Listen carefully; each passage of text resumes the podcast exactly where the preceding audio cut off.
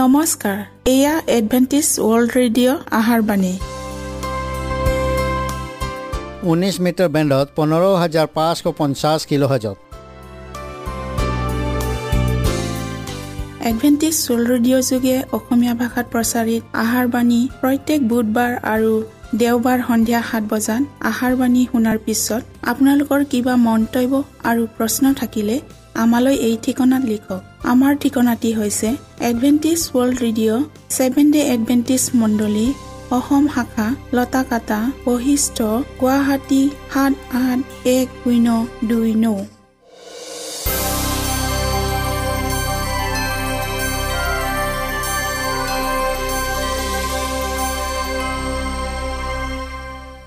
প্ৰিয় শ্ৰোতা বন্ধুসকল এতিয়া শুনো আহক এটি খ্ৰীষ্টীয় ধৰ্মীয় গীত।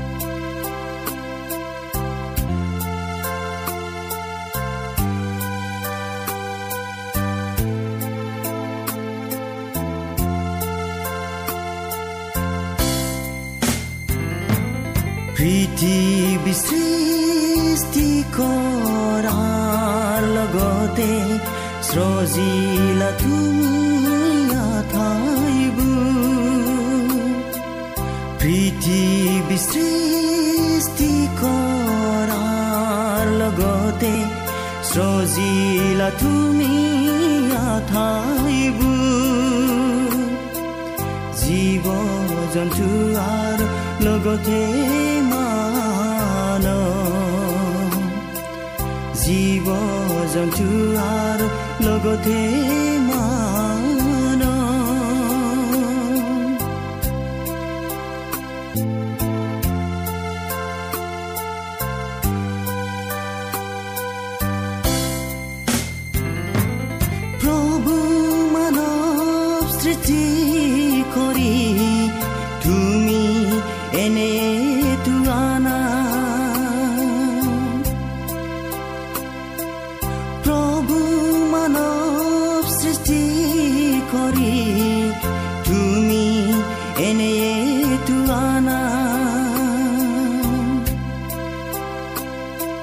দিশা কৰিব হাত ভৰি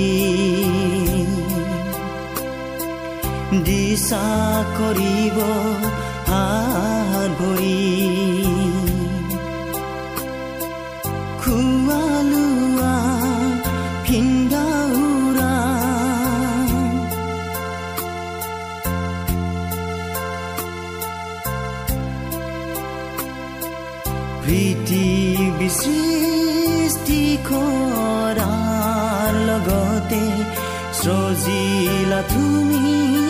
আঠাইবোৰ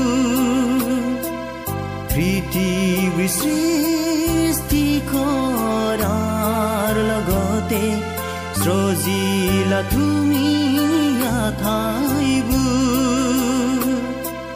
জীৱ জন্তু আৰু লগতে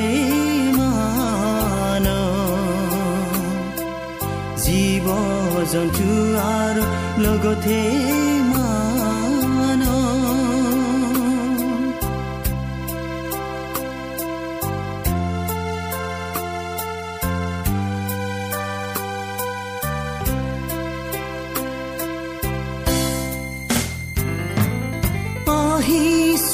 আজি তোমাৰ চৰণত তুমি দিয়া সকলো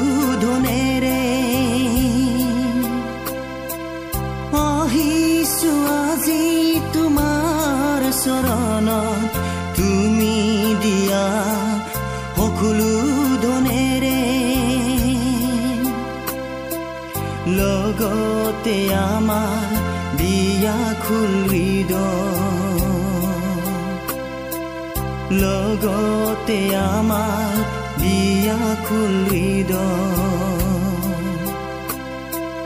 লোৱা তুমি আজি আমাৰ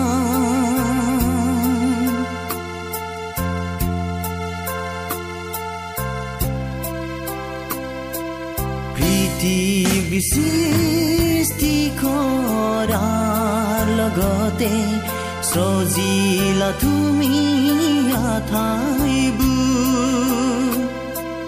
প্ৰীতি সৃষ্টি কৰাৰ লগতে সজিলা তুমি জীৱ জন্তু আৰু লগতে মান জীৱ জন্তু আৰু লগতে মান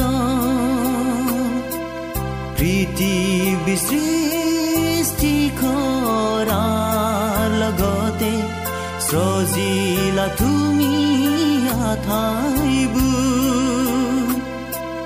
জীৱ জন্তু আৰু লগতে মান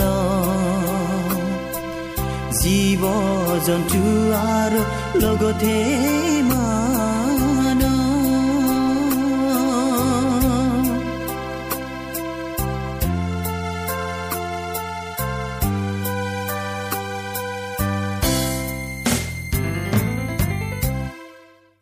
প্ৰিয় শ্ৰোতা বন্ধুসকল আহক আমি খন্তেক সময় বাইবেল অধ্যয়ন কৰোঁ হওক।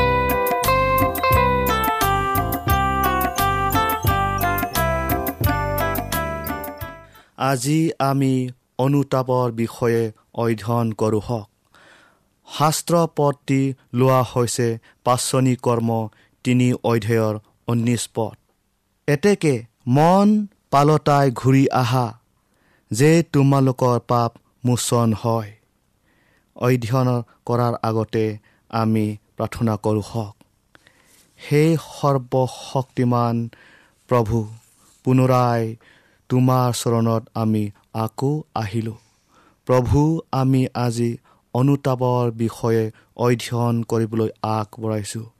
তুমি আমাক শক্তি আৰু জ্ঞান বুদ্ধি দান কৰা। প্ৰত্যেক শ্ৰোতাহঁতৰ লগত পবিত্ৰ আত্মাৰ যোগেদি থাকা। যীশুৰ নামত খুজিলোঁ আমেন। পাপ কৰ্মৰ প্ৰতি অনুচনা আৰু গভীৰ শোক প্ৰকাশৰ দ্বাৰাই মন পালটন কৰি তাৰ পৰা আঁতৰি অহাটোৱে অনুতাপ। আমি অন্তৰৰ পৰা পাপ আঁতৰ নকৰিলে আমাৰ জীৱনত কেতিয়াও প্ৰকৃত পৰিৱৰ্তন আনিব নোৱাৰোঁ। অনেকেই পাপৰ প্ৰকৃত স্বৰূপ বুজি নাপায়। অনেকে পাপৰ পৰিণাম ভোগ কৰাৰ ভয়ত বাহ্যিকভাৱে পাপ কৰ্মৰ সুখ প্ৰকাশ কৰি পৰিৱৰ্তন হোৱা দেখুৱায়। কিন্তু এয়া ঈশ্বৰৰ বাক্যৰ ওপৰত আধাৰিত অনুতাপ নহয়। এনে মনোবৃত্তিৰ লোকবিলাকে পাপৰ সলনি বৰং যান্ত্ৰণা ভোগৰ পৰিণাম কেনে ভয়াৱহ হ'ব তাৰ নিমিত্তেহে বিলাপ কৰে। চিৰকালৰ নিমিত্তে জ্যেষ্ঠাধিকাৰ হেৰুৱা এচুৱে এনে শোক প্ৰকাশ কৰিছিল। হাতত খোলা তৰোৱাল লৈ বাট আগচি ধৰা দূতৰ আগত নিজৰ জীৱন হেৰুৱাৰ ভয়ত বালমে নিজৰ দোষ স্বীকাৰ কৰিলে। কিন্তু পাপ স্বীকাৰ কৰি অনুচনা নকৰিলে। নিজৰ কুকৰ্মক ঘৃণা নকৰিলে। ঈশ্বৰীয়তীয় যীশুদাও নিজৰ প্ৰভুৰ প্ৰতি বিশ্বাসঘাতকতা কৰি ব্যাহ বাহ্যিক অনুশোচনাৰে কৈছিল নিৰ্দোষীৰ তেজ সোধাই দিয়াত মই পাপ কৰিলোঁ। যীশুদাৰ এই পাপ স্বীকাৰ তেওঁৰ অন্তৰত গভীৰ স্থানৰ পৰা ওলোৱা নাছিল বৰং নিষ্কলংকিত ঈশ্বৰৰ পুত্ৰক অৰ্থাৎ ইজৰাইলৰ পবিত্ৰজনাক অস্বীকাৰ কৰাৰ পৰিণাম কি হ'ব পাৰে তাকে জানি বাহ্যিক ৰূপেহে দোষ স্বীকাৰ কৰিছিল। ফৰুণেও ঈশ্বৰে তেওঁক দিয়া শাস্তিৰ পৰা হাৰ মানিছিল। নিজ পাপ স্বীকাৰ কৰিছিল কিন্তু মহামাৰী বা উৎপাত বন্ধ হোৱাৰ লগে লগে পুনৰ ঈশ্বৰক অৱজ্ঞা কৰিবলৈ ধৰিলে। এই আটাইবিলাক পাপৰ নিমিত্তে বিলাপ বা বিননি আছিল কিন্তু পাপৰ কাৰণে অনুতাপ কৰা নাছিল। যেতিয়াই ঈশ্বৰৰ আত্মাই মানুহৰ হৃদয়ত প্ৰভাৱ বিস্তাৰ কৰে তেতিয়াই তেওঁক ঈশ্বৰৰ পবিত্ৰ আৰু ন্যায় বিধানৰ প্ৰতি সচেতন হ'বলৈ তেওঁৰ বিবেকে সজাগ কৰি দিয়ে আৰু এই বিধানে স্বৰ্গ আৰু মৰ্তাৰ প্ৰতি ঈশ্বৰৰ শাসকীয় নিয়ম প্ৰণালী। আটাই মানুহক পোহৰ দিওঁতা স্বৰূপ পোহৰ জগতলৈ আহি আছিল। সেই পোহৰে মানুহৰ হৃদয়ৰ অতি গোপন ঠাইখনকো আঁকোৱালিত কৰি মানুহৰ মনৰ অন্ধকাৰ দূৰ কৰে আৰু তেতিয়াই মানৱে দেখা পায় ঈশ্বৰৰ প্ৰেম পবিত্ৰতাৰ সৌন্দৰ্য নিৰ্মলতাৰ আনন্দ আৰু সি নিৰ্মল হৈ থাকিবৰ ইচ্ছা কৰে আৰু পুনৰাই ঈশ্বৰৰ লগত চলাচল কৰে। ডায়ুদে পাপ কৰি পাপৰ কাৰণে প্ৰকৃত অনুশোচনাৰে কৰা প্ৰাৰ্থনাত দেখা যায় যে তেওঁ সঁচাকৈয়ে ক্ৰদন আৰু চকুলোৰে অন্তকৰণেৰে নিজৰ দোষ স্বীকাৰ কৰি অনুতাপ কৰিছিল। তেওঁ অকল পাপৰ ক্ষমা পাবলৈ নহয় কিন্তু অন্তৰ শুদ্ধিৰ অৰ্থৰেও প্ৰাৰ্থনা কৰিছিল যাতে ঈশ্বৰে সৈতে পুনৰাই মিল হ'ব পাৰে। এইখিনিতে উল্লেখ কৰিব পাৰি যে খ্ৰীষ্টই মানুহক পাপৰ পিটনিৰ পৰাও উদ্ধাৰ কৰিব পাৰে। এই সত্য কথাষাৰ অনেকে ভুল বুজে। তেওঁবিলাকে ভাবে অনুতাপ নকৰা মানে মানুহে কৃষ্টৰ ওচৰলৈ আহিব নোৱাৰে। আৰু সেই অনুতাপ ক্ষমাৰ যোগ্য হ'ব লাগিব। প্ৰকৃততে এয়া সঁচা যে পাপৰ ক্ষমা পোৱাৰ আগেয়ে অনুতাপ কৰিবই লাগিব।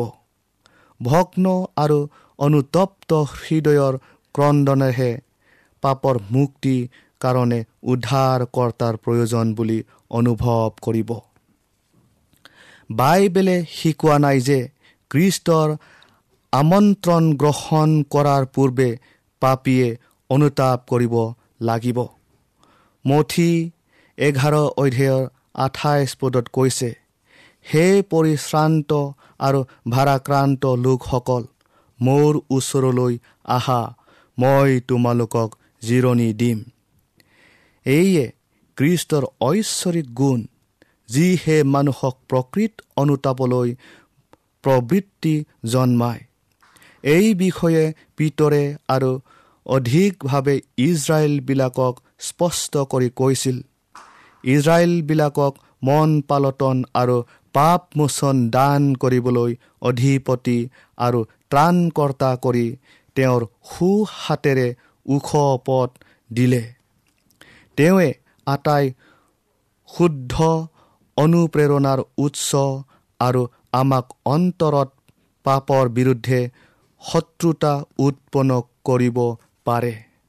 যীশুৱে কৈছিল আৰু মই পৃথিৱীৰ পৰা উত্তলিত হ'লে সকলোকে মোৰ ওচৰলৈ আকৰ্ষণ কৰিম। কালবাৰীৰ ক্ৰোচত শত হোৱা ঈশ্বৰৰ মেৰ পোৱালি কৃষ্টক পাপীৰ প্ৰয়োজন।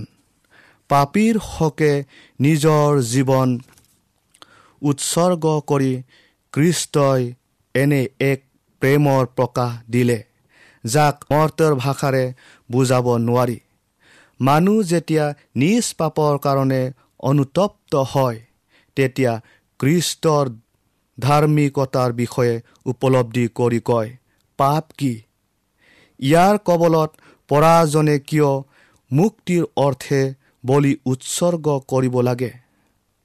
আমি কোনেও নষ্ট নহৈ অনন্ত জীৱন পাৰৰ নিমিত্তে কি এই মহান প্ৰেম নিদাৰুণ যন্ত্ৰণা আৰু অৱমাননাৰ দাবী।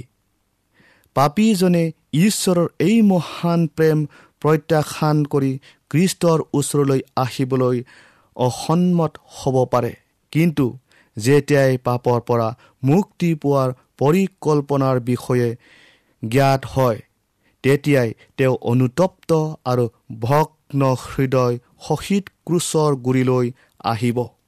আৰু তেওঁৰ নিমিত্তে যান্ত্ৰণা ভোগ কৰা ঈশ্বৰৰ প্ৰিয় পুত্ৰৰ শৰণাগত হ'ব। কিয়নো তেওঁ নিজকে সমস্ত মনেৰে সৎ পথলৈ আহিবলৈ যি প্ৰচেষ্টা কৰিছে এয়া একমাত্ৰ কৃষ্টৰ শক্তিয়েহে প্ৰেৰণা যোগায়। তেওঁৰ ওচৰলৈ আহিবলৈ আমন্ত্ৰণ জনাইছে। মানুহে আত্মিক বিষয়ত হাবিয়াস কৰা বস্তু জগতে কেতিয়াও দিব নোৱাৰে। শক্তি আনন্দ অনুগ্ৰহ পবিত্ৰতা এই আটাইবিলাক ঈশ্বৰৰ পৰাহে হয়। জগতৰ ভগা পাত্ৰৰ পৰা যিবিলাকে জল পান কৰি বৃতাই পিয়া গুচাব খুজিছে সিবিলাকলৈ এই ঐশ্বৰিক বাণীৰ যোগেদি জনোৱা হৈছে। আৰু যিজনাৰ পিয়া লাগে তেওঁ আহক। যিজনে ইচ্ছা কৰে তেওঁ বিনামূল্যে জীৱন জল গ্ৰহণ কৰক। আপোনাৰ যেতিয়াই জগতে দিব পৰাকৈ অধিক কিবা ভাল পাবৰ স্পৃহা জাগিছে তেন্তে সেয়া আপোনাৰ হৃদয়ত ঈশ্বৰৰ মাত বুলি স্বীকাৰ কৰক। অনুতাপ বা খেদ কৰিবলৈ তেওঁৰ পৰা শক্তি খোজক যেন কৃষ্ণই তেওঁৰ শুদ্ধ পবিত্ৰতাৰে আৰু মহান প্ৰেমেৰে আপোনালৈ নিজকে প্ৰকাশ কৰিব পাৰে। ত্ৰাণকৰ্তাজনাৰ জীৱনত ঈশ্বৰৰ আজ্ঞাৰ মূল বিষয় ঈশ্বৰৰ প্ৰতি প্ৰেম আৰু মানুহৰ প্ৰতি প্ৰেম নিখুঁতভাৱে প্ৰতিফলিত হৈছিল। আনৰ প্ৰতি দয়ালু হোৱা নিস্বাৰ্থ প্ৰেমেই তেওঁৰ আত্মাৰ জীৱন আছিল। আমি যেতিয়াই তেওঁলৈ দৃষ্টিপাত কৰি তেওঁৰ পোহৰ আমাৰ ওপৰত পৰা দেখিবলৈ পাওঁ তেতিয়াই আমি আমাৰ নিজৰ নিজৰ পাপেৰে পৰিপূৰ্ণ অন্তৰখনৰ অসুচী অৱস্থা দেখিবলৈ পাওঁ। আমি নিকডিমৰ দৰে নিজকে মিছা আশাৰে এইদৰে ভুলাব পাৰোঁ যে আমি আমাৰ জীৱনত আমাৰ প্ৰয়োজনীয় নৈতিক সৎগুণেৰে পৰিপূৰ্ণ কৰিছোঁ। সেয়ে আৰু সাধাৰণ পাপীৰ দৰে নিজকে ঈশ্বৰৰ আগত নম্ৰ হৃদয় হোৱাৰ আৰু প্ৰয়োজন নাই। কিন্তু যেতিয়াই খ্ৰীষ্টৰ পোহৰে আমাৰ হৃদয় আকলিত কৰি তোলে তেতিয়াই আমি আমাৰ অন্তৰৰ অসুচিতা স্বাৰ্থপৰতা আৰু ঈশ্বৰৰ বিৰোধিতাৰে শত্ৰুতা কৰি কিমান গভীৰ পাপ কৰিছোঁ। সেইবোৰ দেখিবলৈ পাওঁ। এই আটাই অসুচী কৰ্মই আমাৰ জীৱন প্ৰতিদিনে অধিক অধিককৈ কলুষিত কৰি এক বিশৃংখল বাতাৱৰণ সৃষ্টি কৰিছে। আৰু তেতিয়াই আমি জানিব লাগে জগতৰ জ্ঞান বিদ্যা যুক্তি তৰ্কৰে কৰা আমাৰ আটাই ধাৰ্মিকতা এটা বাহিক চোৱা বস্ত্ৰৰ নিচিনা আৰু এই পাপৰ গভীৰ চেকা একমাত্ৰ কৃষ্টৰ তেজেৰেহে ধুই সূচী কৰি পুনৰাই আমাৰ অন্তৰ তেওঁৰ নিচিনাকৈ শুদ্ধ সূচী আৰু পবিত্ৰ হ'ব পাৰে।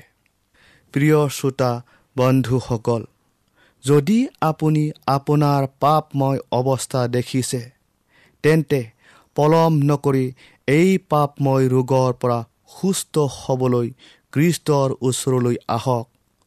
অনেকে ভাবে তেওঁলোক কৃষ্টৰ ওচৰলৈ অহাৰ যোগ্য নহয় আৰু ইচ্ছাও নকৰে কাৰণ তেওঁলোকে জাতিক ধৰ্ম কৰ্ম আৰু নানা যুক্তি দৰ্শনৰ দ্বাৰাই পাপৰ পৰা মুক্তি পাব বুলি ভাবে।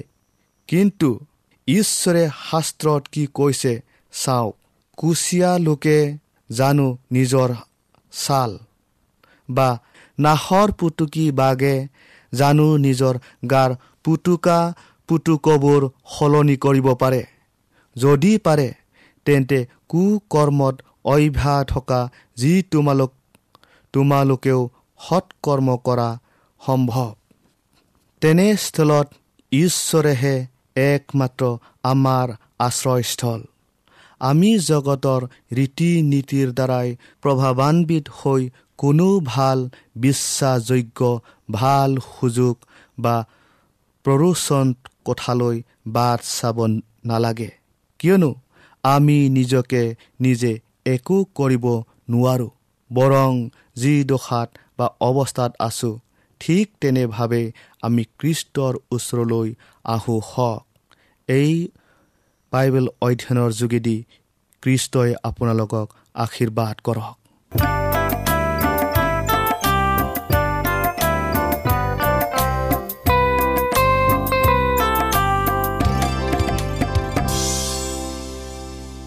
ইমানপৰে আমি বাইবেল অধ্যয়ন কৰিলোঁ এতিয়া আকৌ শুনো আহক এটি খ্ৰীষ্টীয় ধৰ্মীয় গীত।